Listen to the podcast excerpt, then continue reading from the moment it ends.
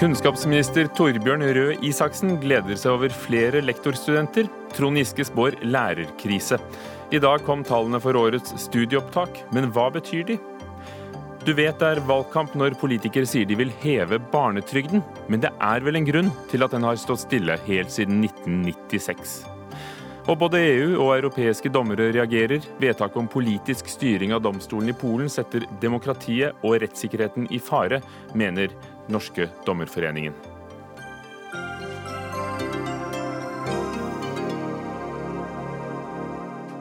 Og vi skal også diskutere om det er lurt at Norges nye kampfly skal vedlikeholdes i Italia, og ikke i Norge. Velkommen til Dagsnytt 18 med Ugo Fermariello. Titusenvis av først og fremst unge og håpefulle ventet i spenning da tallene for studieopptak kom i dag. Rekordmange fikk tilbud, og seks av ti kom inn på førstevalget. Torbjørn Røe Isaksen, kunnskapsminister fra Høyre. Du kunne glede over flere lektorstudenter. 12,6% flere får tilbud på det studiet. Men antallet som skal bli lærer i grunnskolen, står så å si på stedet hvil. 1% flere. Og søkertallet går ned. Bekymrer det deg? Ja, det bekymrer meg. For vi trenger enda flere som blir rekruttert inn i Norges aller viktigste yrke. Vi trenger flere som har lyst til å bli lærere. Og en av de viktigste satsingene for denne regjeringa er jo tidlig innsats. Vi har akkurat levert masse politikk på hvordan vi skal klare å gripe fatt i elevene enda tidligere enn i dag. Og da trenger vi enda flere som har lyst til å undervise de minste barna. Og, og etter altså da så å si fire års innsats med den satsingen, hvorfor har du ikke klart å gripe fatt i flere som vil bli Eh, barneskolelærere? Nei, jeg tror vi må gjøre enda mer. Et av de siste tiltakene vi lanserte nå, er jo en egen bonus. Eh, gulrot, rett og slett, for de som eh, tar barneskolelærerutdanning, hvor de skal få avskrevet 50 000 på studielånet sitt. Og opptil 160 000 hvis du bor i Nord-Norge? 160 000 alt i alt, hvis du både tar nye lærerutdanninger på normert tid, barneskolelærer og velger å jobbe i nord. Jeg tror også at masterutdanninga som kommer i høst, som er helt ny historisk eh, endring av norsk lærerutdanning, at den på sikt kan komme til å lokke enda flere. Men vi kan ikke slappe av på noen som helst måte, selv om det jo også er sånn da, at det er flere som er tilbudt plass i år sammenlignet med i fjor for lærere 1-7, altså barneskolelærere. Så er ikke jeg fornøyd. Flere, ja. ja, det er bitte litt flere, men, jeg, er ikke, jeg, er ikke, fornøyd med det. For totalt er det da 2,5% flere studieplasser, men bare 1% når det gjelder uh, lærerne. Er det da noe vits i å, å gi sånne premier på opptil 160 000 kroner hvis de ikke virker? Jo, men jeg tror det er altfor tidlig å si etter én gang Eh, at dette ikke virker. Eh, og når vi tar kombinasjonen av disse tingene, både det som regjeringspartiene Venstre og Kristelig Folkeparti har lansert med nytt stipend, en helt ny masterutdanning, det faktum at de nye masterutdanna lærere, lærerne også, når de kommer ut i arbeidslivet, vil få høyere lønn, så tror jeg det er en ganske potent pakke for å få flere til å søke seg til lærerutdanning i framtida. Trond Giske, du sitter og lytter i Trondheim, nestleder i Arbeiderpartiet. Det blir flere barnehagelærerstudenter og ikke minst flere lektorstudenter. Og en potent pakke er det jo Torbjørn Røe Isaksen snakker om her. Noe riktig må det være i den pakka? Ja da, vi skal glede oss over at Norge, uansett regjering, faktisk hvert år får flere studieplasser og flere studenter. Vi trenger kompetanse. Men samtidig som vi gleder oss over det, så skal vi ta veldig på alvor at nesten 24 000 mennesker i dag fikk nei til studieplass. Det er 10 000 flere enn da Torbjørn Røe Isaksen overtok. Og det er nok et bilde på at eh, det blir større forskjeller. Noen får studieplass, eh, veldig mange får ikke.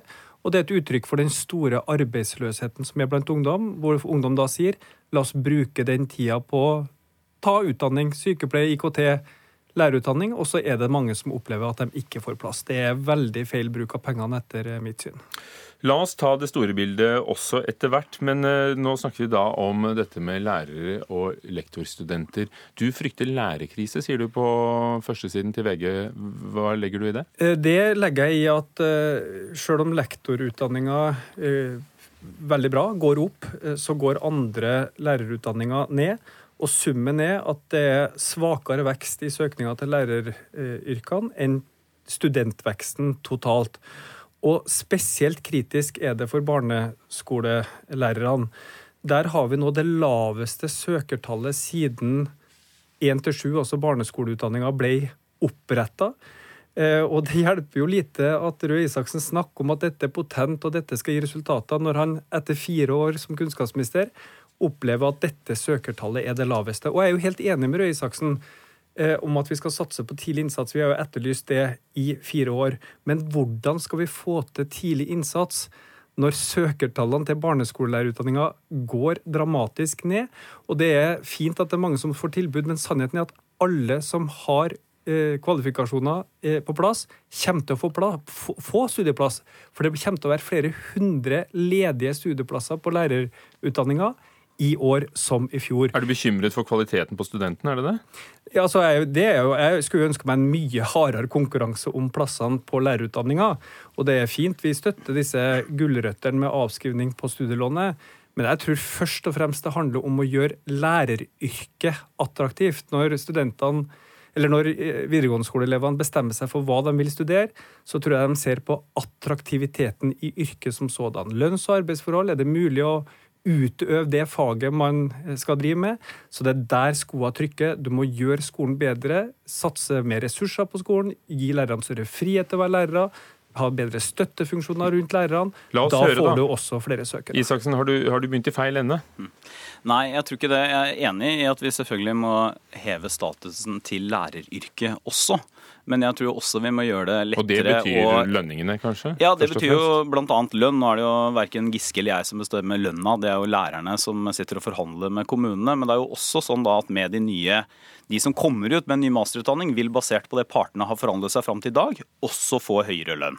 Gå opp fra rundt 420 000 til rundt 480 000 som, som begynnerlønn. Eh, så det, det, er jo nå eh, Det kommer på plass. Eh, men så så tror jeg også at vi er nødt til å gjøre noe for å lokke studenter til lærerutdanninga. Jeg har jo vært opptatt av at vi skal ha høye inntakskrav. Jeg mener at det å dumpe kravene, som noen tar til orde for, selv om det ville gjort at vi fikk flere søkere, er gal vei å gå. Men hvis vi skal ha høye, lære, høye krav for å komme inn, så må vi også ha høye belønninger, stor attraktivitet på studiet. Og jeg legger merke til som en anekdote at eh, den ene lærerstudenten som er intervjua i VG i dag, i saken hvor både Trond Giske og jeg uttaler oss, sier jo nettopp at masterstudiet for lærere, det tror hun er et viktig argument som kommer til å gjøre at flere søker seg inn dit i fremtiden. Og det er jo ikke minst viktig fordi vi ser at det som øker mest, er lektorutdanninga. Og da kan man jo godt tenke seg at mange søker seg inn på lektor nettopp fordi at de ønsker den litt høyere utdannelsen. Den vil nå absolutt alle lærere få med en masterutdanning. Er det dramatisk? Som Giske sier, blir det lærerkrise? Nei, det er ikke dramatisk, men det er ikke bra nok. Hvis vi ser på Statistisk sentralbyrå sine fremskrivinger, så sier de at vi alt i alt kommer til å mangle rundt 2600 lærere i 2040.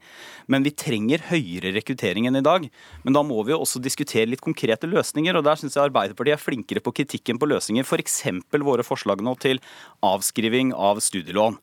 Alle de tre forslagene har Arbeiderpartiet, så vidt jeg har registrert, vært mot. Jeg har heller ikke hørt Arbeiderpartiet komme med noen egne forslag til hvordan vi skal klare å rekruttere flere inn. Men det får jo sikkert Giske sjansen til å si noe om nå. Vær så god, det er jo valg, og du, du snakker også i Klassekampen i dag om, uh, i går om, om et uh, forlik. Ja, altså uh, Røe Isaksen er mer opptatt av å snakke om Arbeiderpartiet og Høyre og forskjeller der enn å snakke om dem dette gjelder, nemlig elever og lærere i skolen. La oss snakke litt om dem. Nei, nei, nei nå snakker der... vi om deg. Hvilke, ja. hvilke forslag har du hvis eh, du skulle første, blitt kunnskapsminister, f.eks.? Altså, for det første så har vi støtta de her avskrivningsordningene, men eh, det vi har sagt at vi tror ikke det er tilstrekkelig. Vi har støtta femårig lærerutdanning, men vi har sagt at det er ikke tilstrekkelig. Og nå var det jo en femårig grunnskolelærerutdanning studentene hadde mulighet til å søke på i høst. Og søknadstallet på, på barneskoleutdanninga er altså den laveste noensinne. Gi det litt tid, kanskje? Vi har ikke tid til å vente, fordi vi kommer til å mangle lærere i barneskolen hvis ikke vi gjør noe.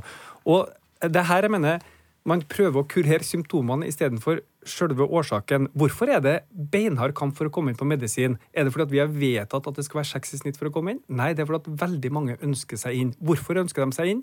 Et attraktivt yrke, frihet til å utøve faget. Så hva er de konkrete forslagene igjen? Nøyaktig det samme ressurser til å gjøre jobben i skolen, færre elever per lærer, sånn at man faktisk kan hjelpe hver enkelt.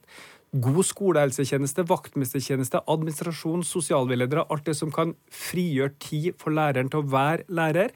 Og mindre byråkrati, dokumenter, skjemavelde. Alt det som tar tida bort fra læreren. La læreren være lærer, gi større frihet, gi større handlingsrom. La man utøve faget. Da blir jobben attraktiv, og da vil ungdommen også søke seg dit. Det er jo ikke et yrke i verden elever i skolen skal vi si, møte mer enn en lærer. Du har 13 men, men, år på deg å se det ikke siden... utøves, og da må det være mulig å presentere det så godt at folk ønsker å gå inn i den jobben. Isaksen, følte at du fikk svar på, på de spørsmål om uh, Nei, det, hvilke konkrete det vel, forslag? Det får vel de som hører på, vurdere. Men jeg kan si at jeg er enig i tror jeg, 95% av det Trond Giske sa nå. Eh, altså Selvfølgelig må skolen også være en attraktiv arbeidsplass. Men jeg tror jo også at nettopp de grepene vi har gjort, med en masterutdanning som hvis Arbeiderpartiet nå støtter den, så er det bra, for det har vært veldig uklart hva de har ment om en masterutdanning. Eh, de stipendene, det var noe som regjeringspartiene KrF og Venstre kom med. Jeg kan ikke se at Arbeiderpartiet har foreslått det tidligere. Det betyr betyr også at de nye lærerne vil få høyere lønn, rett og slett for at utdanningen deres er høyere. Alt dette nevnte du i sted, men Betyr det at selve skolen at det ikke er stas nok å være lærer, fordi det er for mye det vi, det sentralstyring og for få vaktmestere? Det vi ser er at det, ja, altså det, det, tror jeg også er et problem, eh, bare så det er sagt. At det er for mye fortsatt for mye byråkrati i skolen. Vi gjør hva, hva vi kan for å få den ned. Men først og fremst er det jo kjempestore forskjeller i forskjellige deler av landet. Eh, vi ser f.eks. at Oslo-skolen har mange flere søkere enn det de har plass til, mens andre kommuner sliter. Og Det er jo en av grunnene til at vi har sagt nå at hvis du søker deg jobb i nord f.eks., så får du 50 000 fjerna fra studielånet ditt. Takk skal dere ha, begge to. Trond Giske, nestleder i Arbeiderpartiet. Torbjørn Røe Isaksen, kunnskapsminister. Dagsnytt 18 alle hverdager kl 18.00 på NRK P2 og NRK2.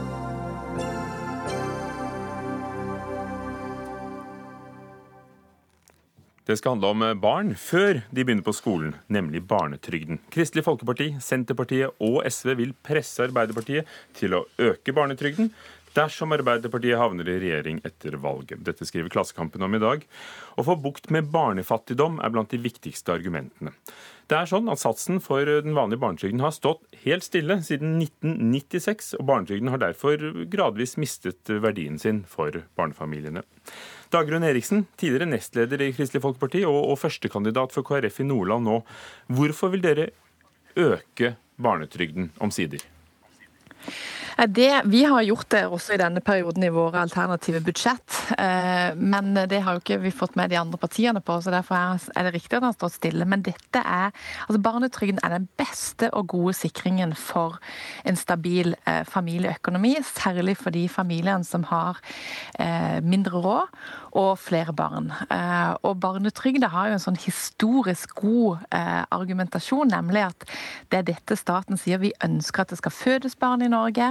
Og da må staten være med i det spleiselaget. Og barnetrygden er universell, han er lik for alle, og han når eh, de som trenger det mest.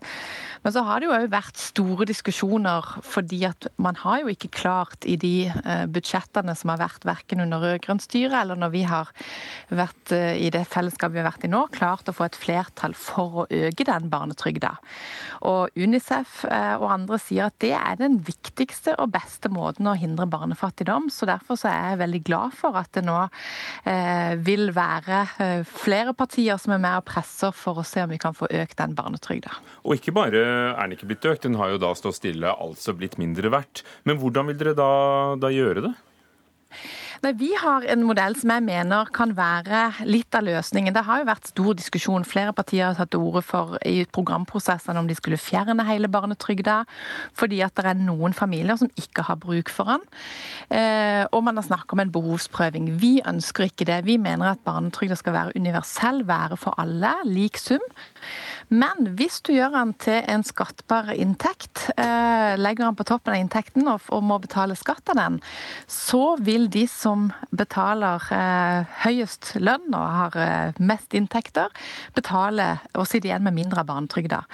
Og det tenker jeg vil være en omfordeling. Og så vil det geniale med dette grepet være at de pengene staten tjener på de økte skatteinntektene, de bør vi legge på toppen av barnetrygda, og i tillegg smøre henne litt, sånn at de med midlere og lavere inntekt vil komme ut med en betydelig økning, samtidig som du sikrer at det er en lik sum du får inn. Men det kommer an på hvor høy skatt du betaler på og mye du sitter igjen med. Mm.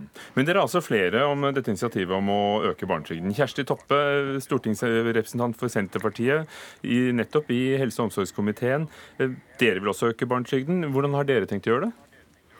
Vi vil eh, beholde barnetrygda som en uh, universell ordning. Uh, og Vi vil prisjustere den, altså øke den. Og Det finnes ikke noe hokus pokus-måte å styrke barnetrygda på. Forslaget fra KrF det er et gammelt forslag som, som har blitt forkasta mange ganger av forskjellige utvalg. Det må skattlegge, altså? Ja, fordi at å skattlegge den og bruke barnetrygda til å fordele mellom barnefamilier, det fungerer ikke. En har jo barnetrygd fordi at en har ikke noen skatt skattereduksjon til eh, familier med omsorgsbyrde, ingen mildere skattlegging. Så barnetrygda er jo, kom jo i stand nettopp som et alternativ til skattlegging av, eh, eller mildere skattlegging av eh, barnefamilier. Da blir det jo et paradoks å skattlegge det som skulle være alternativet. Og det vil føre til en mer progressiv skattebyrde på barnefamilier enn andre. Så det forslaget har vi vurdert, og vi er sterkt imot det. Så vi vil ha ei god barnetrygd som skal som løftes opp i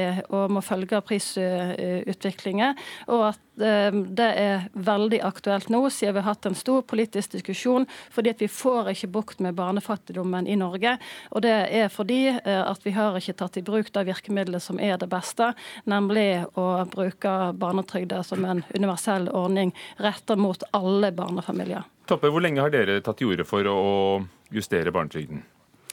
Eh, vi har dette med justering iallfall i eh, årets eh, program. Vi har alltid hatt inne dette med at det skal være en universell ordning. Dere har alltid, alltid hatt inne, mm. Men hvorfor i all verden tror du at ikke, ikke det har skjedd noe siden 96, mm. og at den ikke økte under de åtte årene med mm. rød-grønn regjering? Eh, nei, det er, jo, det er, jo, galt at ikke det skjedde. Det skal jeg eh, innrømme. Eh, det kan òg forklares med at det skjedde en god del andre investeringer mot barnefamilier i den perioden.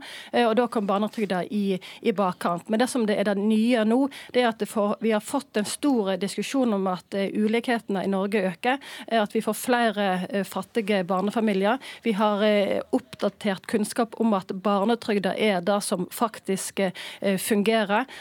Og da mener mener jeg, og da mener Senterpartiet, at eh, nå, må vi, nå er det på tide å stå mer hardt på dette med barnetrygd og gjøre den til den ordningen som faktisk var intensjonen. Martin Henriksen, stortingsrepresentant fra Arbeiderpartiet. Eh, hvis dere kommer i regjeringsposisjon etter valget, så hører du her Her hørte vi altså Senterpartiet og Kristelig Folkeparti og SV er med på laget og vil gjerne øke barnetrygden. Ble du engstelig nå? Nei, og det er jo ingen som trenger å presse Arbeiderpartiet til å være med på en økt innsats mot barnefattigdommen. Nei, men Nå snakket vi om barnetrygden ja, men som middel. Ja, men når vi ser at både barnefattigdommen har økt, også under denne regjeringa, at forskjellen mellom de som har jobb og ikke har jobb, har økt, at uh, andelen som er utenfor arbeidslivet er høyeste på 20 år, så det er åpenbart at vi trenger uh, en langt større innsats mot barnefattigdommen. Og Når det gjelder barnetrygda, så Eh, vil ikke vi avvise det nå, men det er klart at det kan være eh, veldig kostbart, avhengig av hvilke endringer man gjør. Ja, det, altså, det, er, det, er, ganske ja. enkelt. Hvis den skal justeres til å bli verdt det den var verdt i 1996, mm. da skulle den vært på 500, 1505 kroner per måned. I dag er den 970. Mm. Men altså, den justeringen ville kostet 8 milliarder kroner. Mm. Og så alt over det blir en økning i forhold til 96-verdien. Ja, og det, det, koster også en del å bare prisjustere det eh, fra år til år. og det Eh, Arbeiderpartiet har sagt at vi har ikke vedtatt at vi går til valg på å øke barnetrygda, fordi vi, vi, har prioritert andre tiltak som vi mener er viktige og som treffer godt. F.eks. å få billigere SFO for å lette byrden for barnefamiliene der.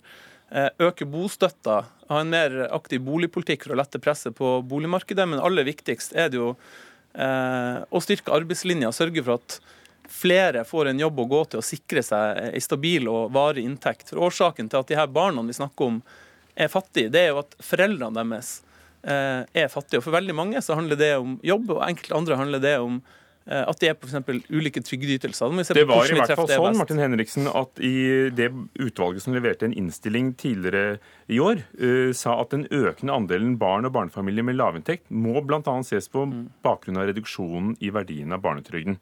Så da er altså barnetrygden et godt fattigdomstiltak. Ja, det er nok ett av flere tiltak. Og så må vi vurdere hva det er som treffer best når vi skal eh, få plass til det her innenfor budsjettene. Jeg, men jeg må si jeg er veldig glad for at eh, KrF og Senterpartiet og SV ser til Arbeiderpartiet når det gjelder å få løsninger på eh, barnefattigdommen, og tydeligvis ikke har så tro på Høyre og Frp sin, sin skattekuttpolitikk. Men, men, ja, Dagrun Eriksen, som KrF-er, dere har jo hatt en viss innflytelse over dagens regjering. Hvorfor har dere ikke fått til noe nå? Nei, vi har hatt i våre alternative budsjetter, men vi har ikke fått gjennomslag med de andre. Og jeg tror alle som spoler litt tilbake, husker en programdiskusjon i flere partier hvor man nå egentlig har snakka om å fjerne barnetrygda. Og det er det som gjør meg bekymra når jeg hører at Senterpartiet bare vil stå på det som er å ha en prisjustering, fordi at legitimiteten til barnetrygda, når det kommer fram eh, eksempler på at det er flere familier som bare sparer den, men har ikke bruk for den, eh, og alt dette, det kan være med å rive, rive unn, grunnlaget under for at det er stor oppslutning om barnetrygda. Så det å gjøre noen grep som gjør at du får et kraftig løft, og det som er med, med KrFs modell, da, i motsetning til, til, Senterpartiets og de som bare ønsker en prisjustering, det vil bare gi en, en liten justering hvert år. Men med vår modell så vil du få en ganske kraftig omveltning eh, til de som trenger det mest. Og modellen deres med... Eriksen, er jo da å, å, å skattlegge, og jeg bryter litt av, for jeg vil gjerne skyte inn det at fordelingsutvalget som kom i 2009, sa at det å skattlegge trygden det vil gi mer progressiv beskatning blant barnefamiliene enn i den øvrige befolkningen, og det er vanskelig å se gode argumenter for et slikt system. Det er sitat fra uh, fordelingsutvalget fra den gangen. Så de peker på at uh, foreldre f.eks. For kan ønske å, å jobbe mindre. Er det noe særlig lurt, da? Nei, det er ikke noe særlig lurt. Og jeg tenker, men det er klart at hvis du får denne omleggingen som skjer nå, med at du legger ting på toppen, så selv om du får en mer progressiv eh, runde når du legger det på på inntekten De så jo på dette som en, en eh, ikke som en inntekts... At du bare la det på på toppen av inntekten, for da vil skattleggingen være mye mindre enn det fordelingsutvalget så på. Så jeg tror at vår modell med dette vil være bra. Samtidig så jeg forstår argumentet på at ikke du skal ha høyere skattetrykk på barnefamilier enn andre. Men med den omleggingen som, med at ikke staten tar skattepengene og bruker på andre ting, men fordeler det tilbake til barnefamiliene, så mener jeg at mye av de argumentene som var mot fordelingsutvalget den gang, eh, og som egentlig så på et nullsumspill, og at ikke man skulle smøre reformen i tillegg, sånn at de med midlere inntekt ville komme relativt dårlig dårlig ut av en sånn modell. Henriksen, Så jeg tror at vi må, vi må smøre den, og da får vi det på plass. Må smøre. Henriksen, eh, dere vil jo eventuelt, hvis det skulle komme til eh, til regjeringstaburetter, da, være avhengig av å få litt støtte. Og, og da kunne jo kanskje være, det, dette være et sted hvor dere kunne gi litt?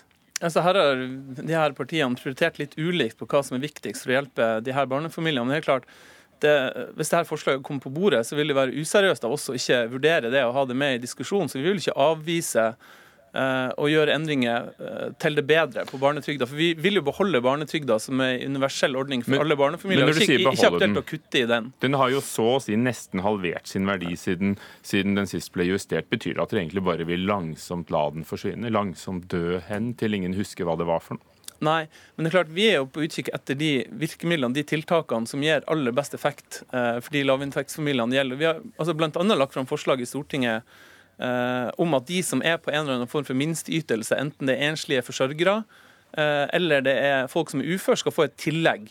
Eh, for å hjelpe dem i økonomiske situasjoner. får tillegg i barnetrygden allerede. Det ligger ja. i barnetrygdmodellene. Ja, men de som da har en minsteytelse, og det kan også være eh, minstepensjonister for den saks skyld, men de som er på ulike minsteytelser, skal få, få tillegg.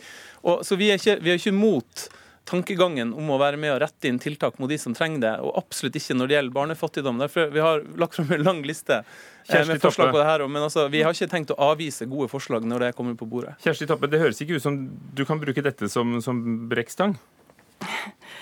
Eh, nå, nå, får vi se hvordan eh, valgresultatet blir, eh, men det skal jo forundre meg om vi må drive og argumentere hardt mot et Arbeiderparti for å styrke barnetrygda i Norge, med den historikken som er bak den. Og det vil òg forundre meg om vi, hvis vi får et regjeringsskifte, at den skal kun gå på, og, på de målretta tiltakene mot de som har aller minst. For vi vet jo at har en en kun målretta tiltak mot de aller fattigste, ja, så blir det enda flere fattige barn. Og Det er jo derfor alle forskjell, mange forskjellige utvalg drar fram eh, barnetrygda som en universell ordning som verken blir behovsprøvd eller skatt, eh, eh, skatt, skattebelagt. Men, men, hvordan ville du ta, fått råd til det? Fordi mm. perspektivmeldingen sier at det blir enda mindre handlingsrom fremover.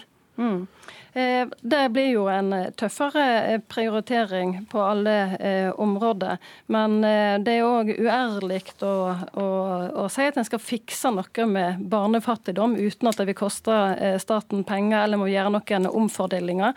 Vi kan gjøre omfordelinger gjennom skatteseddelen, men vi kan ikke omfordele blant barnefamilier med å skattlegge barnetrygder.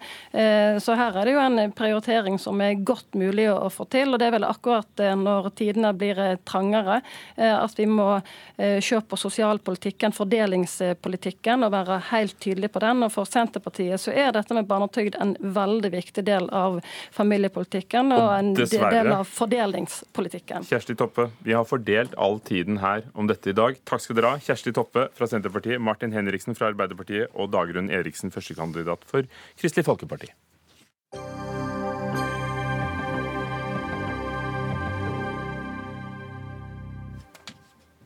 Det er omtrent akkurat like mange midlertidige ansatte nå som den gang Arbeiderpartiet satt i regjering. 7,7% i begge perioder.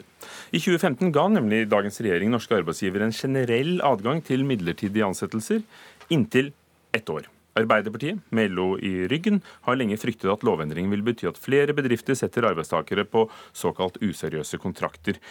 I 2013, det siste året da Arbeiderpartiet hadde regjeringsmakt, var altså 8% av norske ansatte på midlertidige kontrakter. I første kvartal i år var det 0,3 prosentpoeng færre. Altså det, det, er små, små forskjeller. Truls Wickholm, stortingsrepresentant for Arbeiderpartiet, har dere tatt feil i, i, i de dystre spådommene?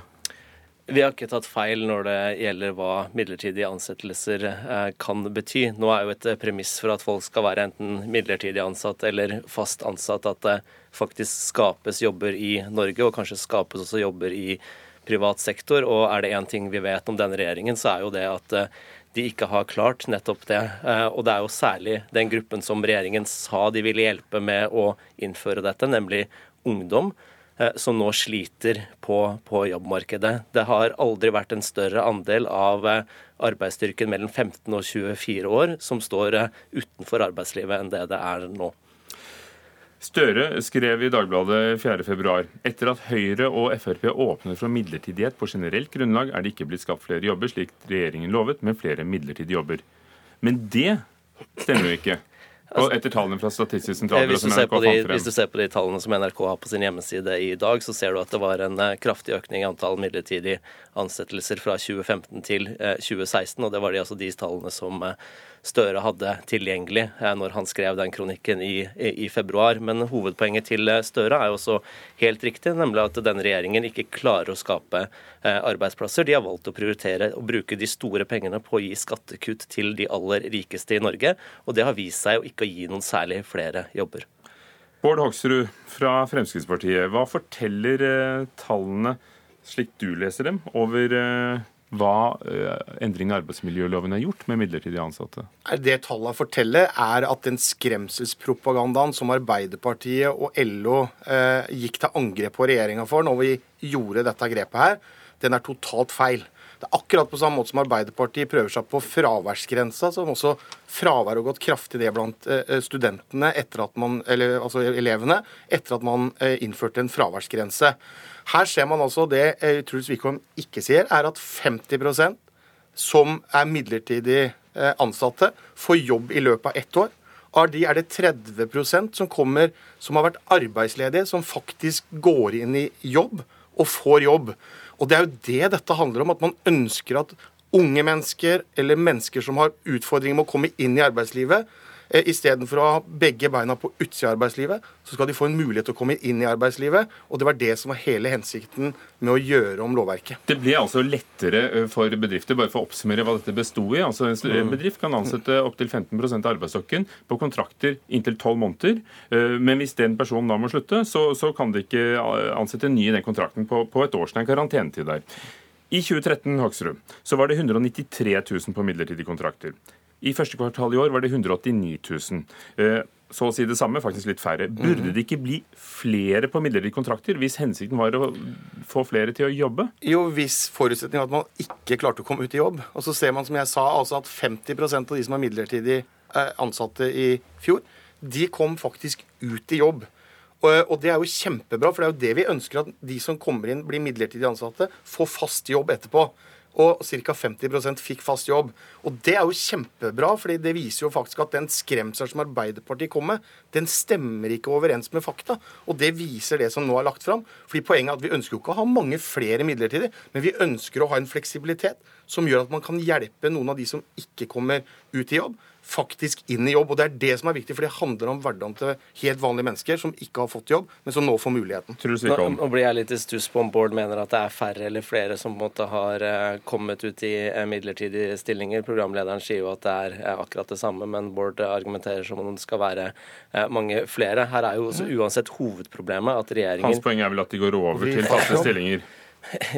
Det, det, viser jo Fafo sine undersøkelser at særlig ungdom og folk med lav kompetanse klarer ikke å dra nytte av den eventuelle effekten som det er eh, ved at man får prøve seg litt i, i arbeidslivet. Eh, og det er jo den gruppen som regjeringen sa at de ville gjøre med å, å gjøre dette.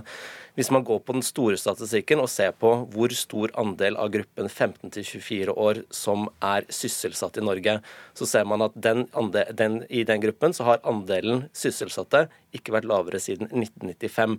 Heller enn å på en måte være bekymra for å kalle Arbeiderpartiet for smarthvalere, eller som jeg ser Stefan Heggelund gjør på NRK sin hjemmesider i dag, be om unnskyldninger fra Arbeiderpartiet. Han fikk ikke den. Han fikk ikke den. Eh, så burde man jo heller være mye mer opptatt av å snakke om hvordan skal man klare å skape arbeidsplasser. Men, Fordi enten, har... enten om, om arbeidsplassene skal være midlertidige eller om de skal være faste, så må de jo faktisk skapes. Det må være en grunnlag for at det skal være arbeidsplasser der. Og da sier Arbeiderpartiet hvis man klarer å skape arbeidsplasser, så mener vi at de bør være faste. For vi veit hvor mye det har å bety for folk. Det å muligheten til å få lån i banken, kjøpe seg sin første bolig, rett og slett henge med på det løpet og som alle Kan den midlertidige plassen være veien til den faste? Ja, fakta viser jo det at altså, som jeg sier, at 30% som kommer fra arbeidsledighet, av de som da altså kommer inn og får et midlertidig løp, kommer ut i fast jobb. Jeg syns jo det er veldig bra, fordi jeg mener akkurat det. At dette handler om de menneskene som trenger å få en jobb, at de faktisk skal få den jobben. Og når, og når Arbeiderpartiet sier at vi ikke har skapt noen nye arbeid... Ja, for her er du uenig i virkelighetsbeskrivelsen? Ja, absolutt. fordi fakta er at det altså, på tross av den enorme nedgangen vi hadde i antall ansatte i petroleumsindustrien, altså oljeindustrien, så har vi nå altså klart å ta igjen det, i tillegg til at vi har skapt mange nye arbeidsplasser i tillegg til det.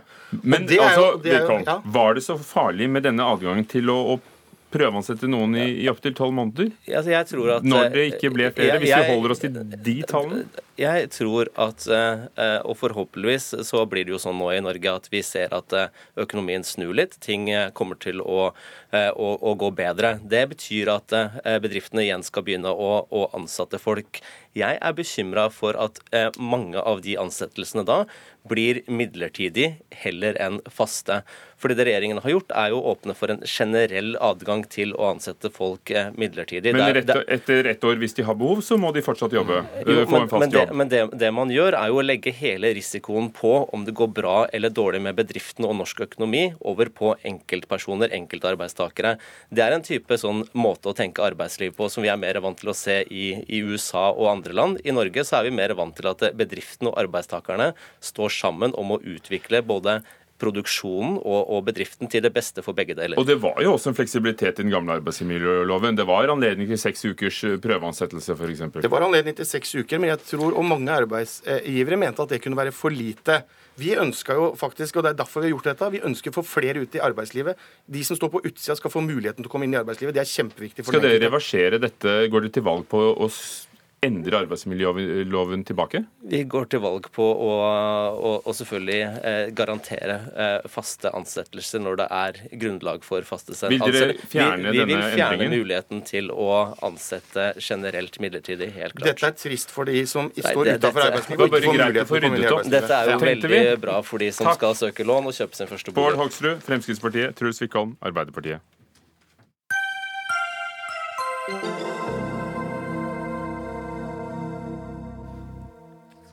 Justisreformen i Polen har skapt eh, sterke reaksjoner. EU har eh, fordømt landet. Fredag eh, gikk parlamentet inn for en lovendring i Polen som gir altså en overveldende politisk innflytelse over det såkalte domstolsrådet. I praksis betyr det at justisministeren får kontroll over domstolene. Inge Tune, du leder Den norske dommerforeningen, og både dere og Den europeiske dommerforeningen mener at utviklingen i Polen er en fare for demokratiet. Hvorfor har dere engasjert dere i denne saken? Den norske dommerforeningen, som er en organisasjon av norske dommere, og som er medlem av den europeiske og internasjonale dommerforeningen, har som et av våre mest sentrale arbeidsområder å beskytte og utvikle rettsstaten. Og et sentralt element i en rettsstat er uavhengige domstoler og uavsettelige dommere. Uten noen form for politisk kontroll eller styring. Og når det internasjonale samfunnet ser angrep på rettsstaten, eh, så er det viktig at vi eh, reagerer. Altså, Hva ville denne forandringen som da er foreslått eh, av den polske regjeringen innebåret i praksis? Det er jo slik at eh, de fleste vestlige samfunn og demokratier eh, baserer seg på et maktfordelingsprinsipp. Vil si at vi har Stortinget, parlamentet, som gir lover. Vi har regjeringen, som eh, er en utøvende makt. Og så har vi domstolene, som fører kontroll med Stortinget, at ikke de gir lover som strider mot Grunnloven og menneskerettighetene. Og at regjeringen og forvaltningen følger lovene. Og ehm, det er viktig for borgernes eh, rettssikkerhet at eh, domstolene fører kontroll med dette. Hvis det er slik at regjeringen kan avsette alle dommerne, og så utnevne dommere som eh, kanskje er regjeringsvennlige, så vil jo denne kontrollen med Stortinget og med regjeringen bli helt illusorisk. Og I dag har det altså vært eh, store gatedemonstrasjoner i Polen. Lovforslaget er blitt debattert i parlamentet, som har sendt det tilbake til en, et spesialutvalg med, med, 1300 forslag til endringer fra opposisjonen. Og presidenten Andrzej Duda har heller ikke godkjent uh, lovforslaget ennå, men foreslått noen endringer. Ingrid Brekke, utenriksjournalist i Aftenposten, du befinner deg i Berlin for å dekke det tyske valget, men har også et eh, øye til Polen. Hvor sterk motstand møter dette vedtaket? Nei, det, Motstanden er ganske sterk. Altså, eh, man ser jo eh, demonstrasjoner i mange byer, som du nevnte. Og så er det jo leda an politisk av eh, opposisjonspartiet. Borgerplattformen, det tidligere regjeringspartiet. Og så Det er jo ganske vanlig å tenke at Polen er delt nesten i to. Hvor den ene halvdelen mest støtter Lov- og rettferdighetspartiet, også regjeringspartiet, og den andre halvdelen er mer liberale. Men jeg vil jo tro at nå så er det nok kanskje også en del av tilhengerne til regjeringspartiet som er litt engstelige fordi Kanskje ikke pga. innholdet, men fordi det går så utrolig fort. Altså hva, hva, ligger bak at man foreslår en lov ingen har hørt om på fredag, og skal banke den gjennom på en uke? Og Det er vel det som også ligger eh, bak eh, det at presidenten har sagt at enn så lenge vil han ikke skrive under. Det er jo ganske drastiske tiltak. Altså, forslaget innebærer å, å pensjonere alle høyesterettsdommerne og få justisministeren til å innsette nye. Men her er det jo et bakteppe. Altså, det, det er ikke nytt at regjeringen i Polen eh, fra den ene eller andre siden ønsker å, å blande seg.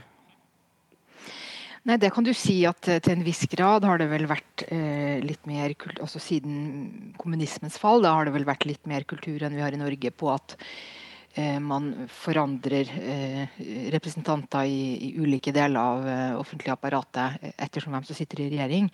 Men, men så dramatisk som denne regjeringa har delvis allerede for lengst gjort det, f.eks. med å bytte ut staben i, i statsfjernsyn, og de har jo allerede fått kontroll over grunnlovsdomstolen.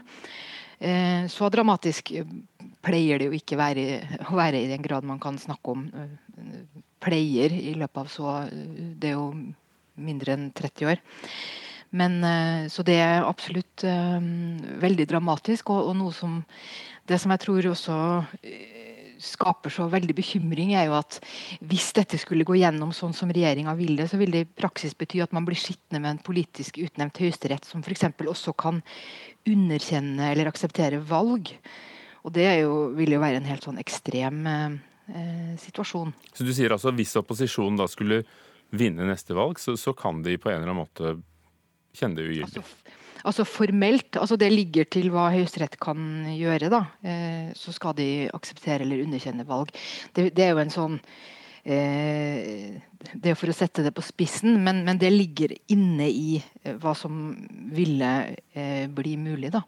Men det, man må også tenke altså Dette er jo en slags maktsentralisering. altså Det er jo, det er jo et ønske om å, å kontrollere utviklinga i samfunnet eh, mye sterkere enn enn hva man kan på mer avslappende eh, vis og ved å ta tida til hjelp og sånn.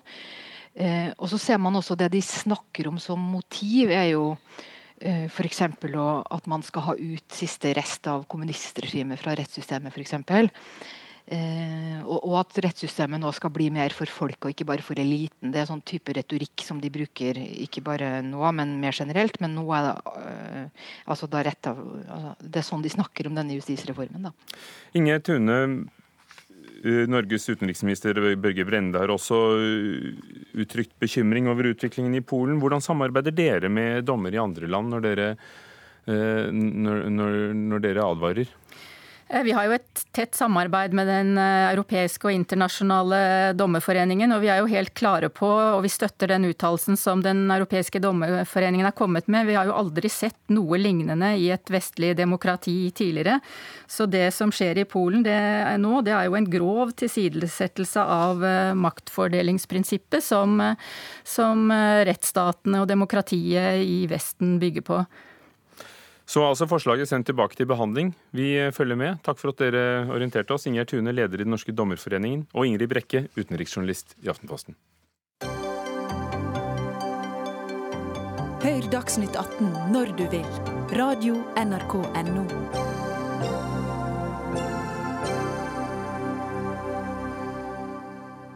Det er en sak som har vekket stort engasjement på sosiale medier siden den ble omtalt eh, i både VG og på NRK i går.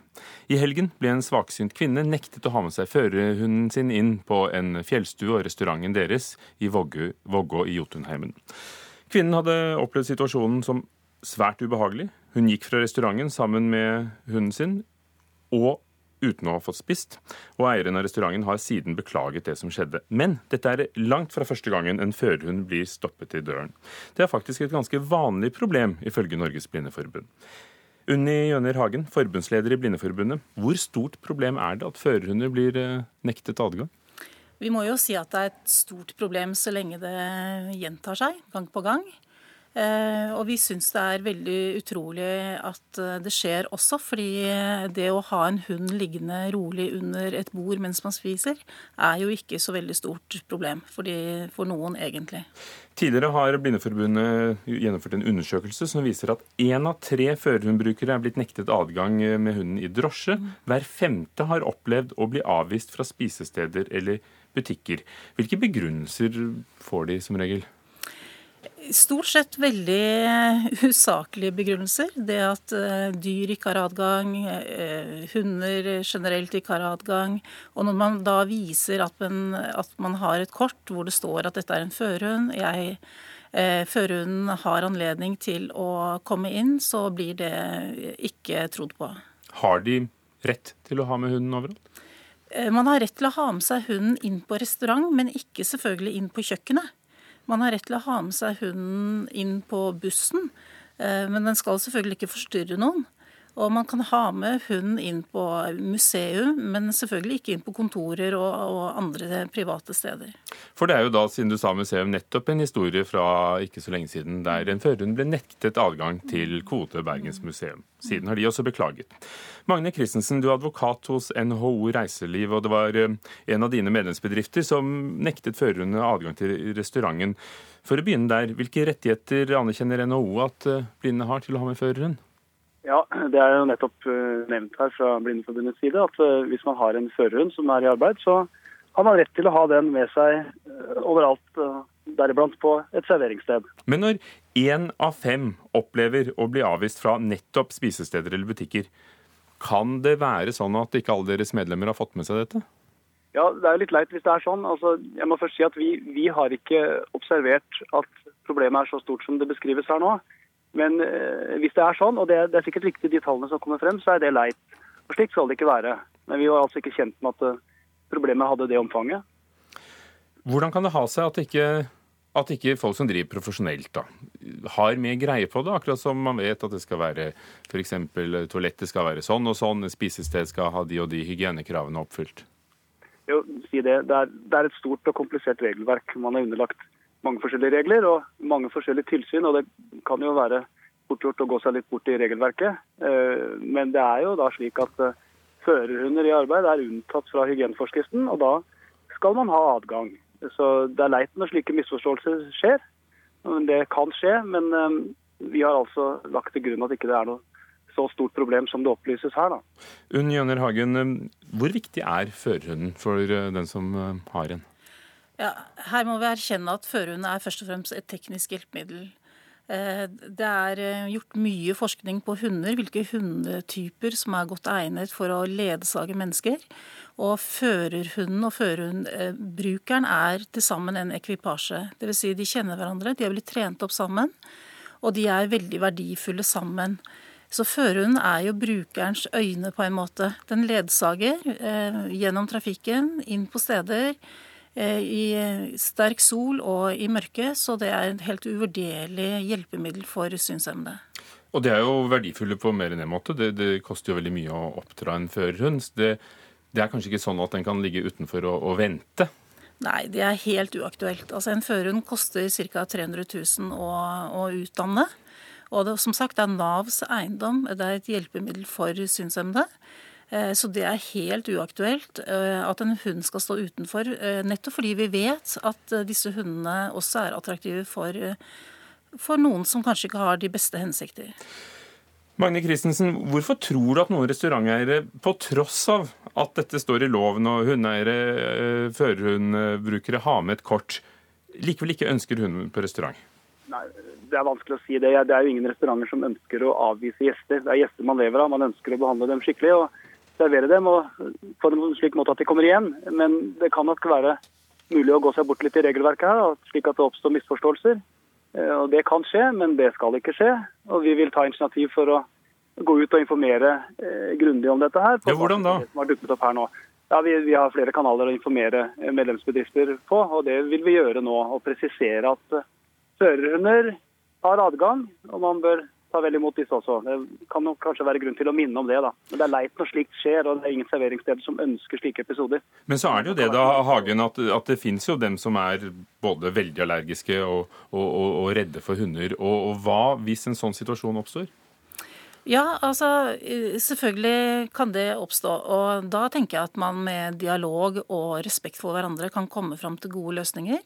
Eh, vi ber våre førerhundbrukere være løsningsorienterte i den type situasjoner. Og som regel så, så, har vi ikke noen problemer. Vi er i tett dialog med Astma- og Allergiforbundet bl.a. om hvordan vi skal håndtere allergiproblemet, som veldig mange påberoper at de har.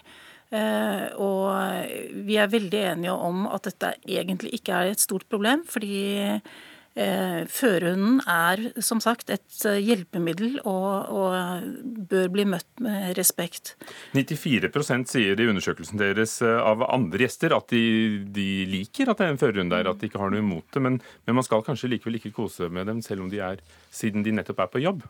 Nei, De er på jobb, og da ligger de med sele på under bordet. Og da er ikke de tilgjengelige for andre gjester overhodet. De er rett og slett på jobb. De kommer inn går, og følger, eh, følger, den synshemmede til et bord. Legger seg under bordet og ligger der til den blir bedt om å gå ut igjen sammen, sammen med eieren sin. Takk skal dere ha. Og da har vi i hvert fall oppklart dette. Magne Christensen, advokat hos NHO Reiseliv. Unn Jøner Hagen, forbundsleder i Norges Blindeforbund.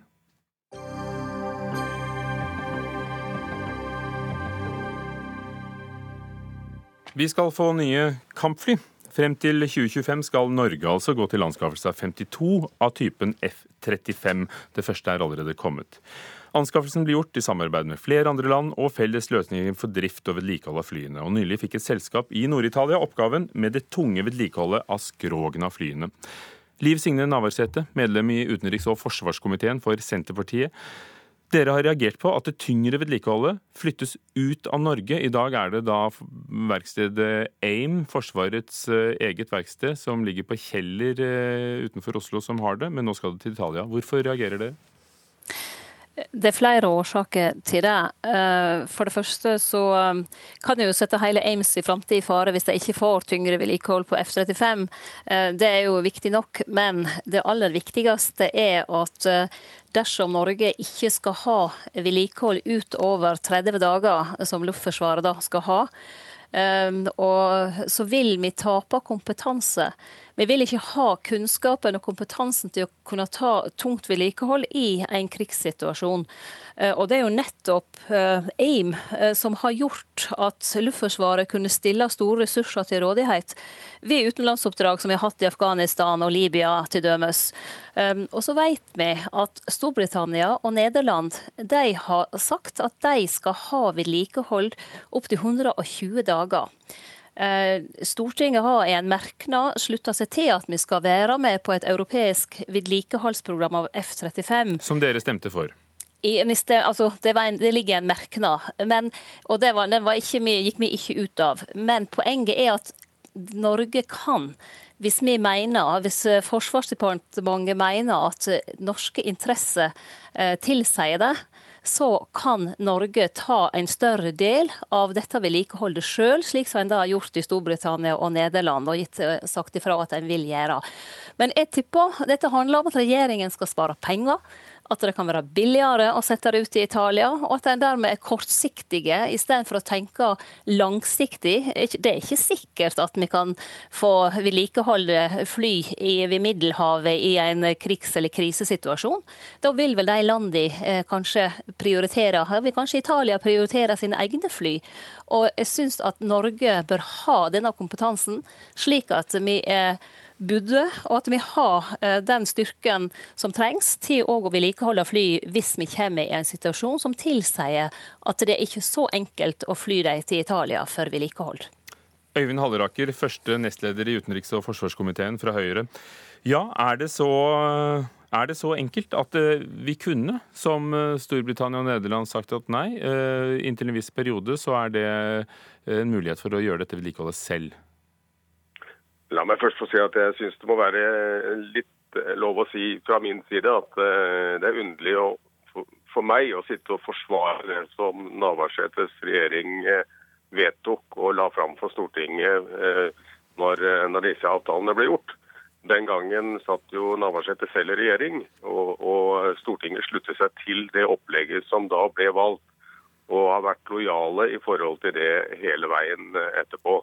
Dette dreier seg om et stort partnerskap. Det er veldig mange land som eh, samtidig med Norge investerer i E35 også i Europa.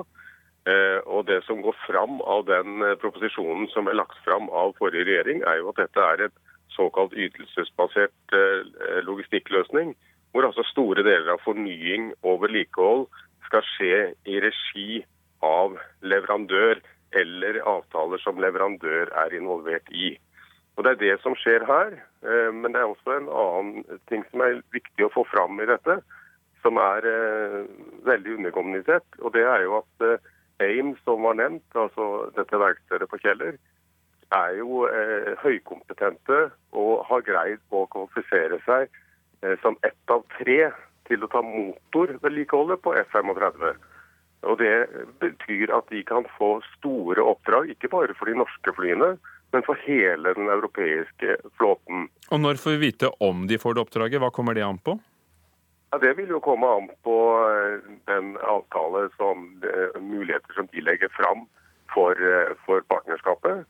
Og som, som, vil være helt sikkert nær forestående, i og med at vi nå har fått vedlikehold av skrogene på plass. Navarsete, var dere for dårlige forhandlere da dere satt i regjering med Lockheed Martin, som lager disse flyene, og som da også står for vedlikehold, og som har sitt verksted i denne byen sånn litt nord for Milano, uh, slik at ikke dere forhandlet dere frem til at dette kunne også skje i Norge? Det er ikke riktig det som eh, Halleraker og Høyre sier om at vi ikke kan ta større deler av dette vedlikeholdet i Norge. Det er ikke slik at Nederland og Storbritannia ikke er en del av dette konsortiet. Men de sier at ut fra sikkerhet, ut fra beredskap og operativ evne i en eh, krigssituasjon, i en eh, krisesituasjon, så velger de å ta større deler av vedlikeholdet inn i det nasjonale eh, konseptet. Det kan òg Norge gjøre hvis en vil, men da må en ha en regjering som viser vilje til det. Og selv om forrige regjering la fram dette, og jeg tror det var brei semje i Stortinget, jeg er ikke sikker på om det var noen som var imot det, eh, så det, betyr ikke det at det er enten-eller. Det er det som er vårt poeng. Her kan vi sikre at vi beholder kompetanse, vi beholder arbeidsplasser eh, som er viktige for eh, selvfølgelig regionalt, men òg nasjonalt. Og vi sikrer at vi kan i en vanskelig situasjon ha tilgjengelig eh, kompetanse i eget land. Så jeg er vanskelig for å skjønne at eh, de poengene som Halleraker framfører her, eh, betyr at vi ikke kan gjøre det. I så fall kunne heller ikke Storbritannia og Nederland sagt at de ville beholde vedlikeholdet inntil 120 dager, som de har sagt. I Norge er det bare 30 dager som er Luftforsvaret sitt ansvar. Og så det er veldig bra. Men, men altså, da uh, mener du det vedlikeholdet som tar opptil 30 dager?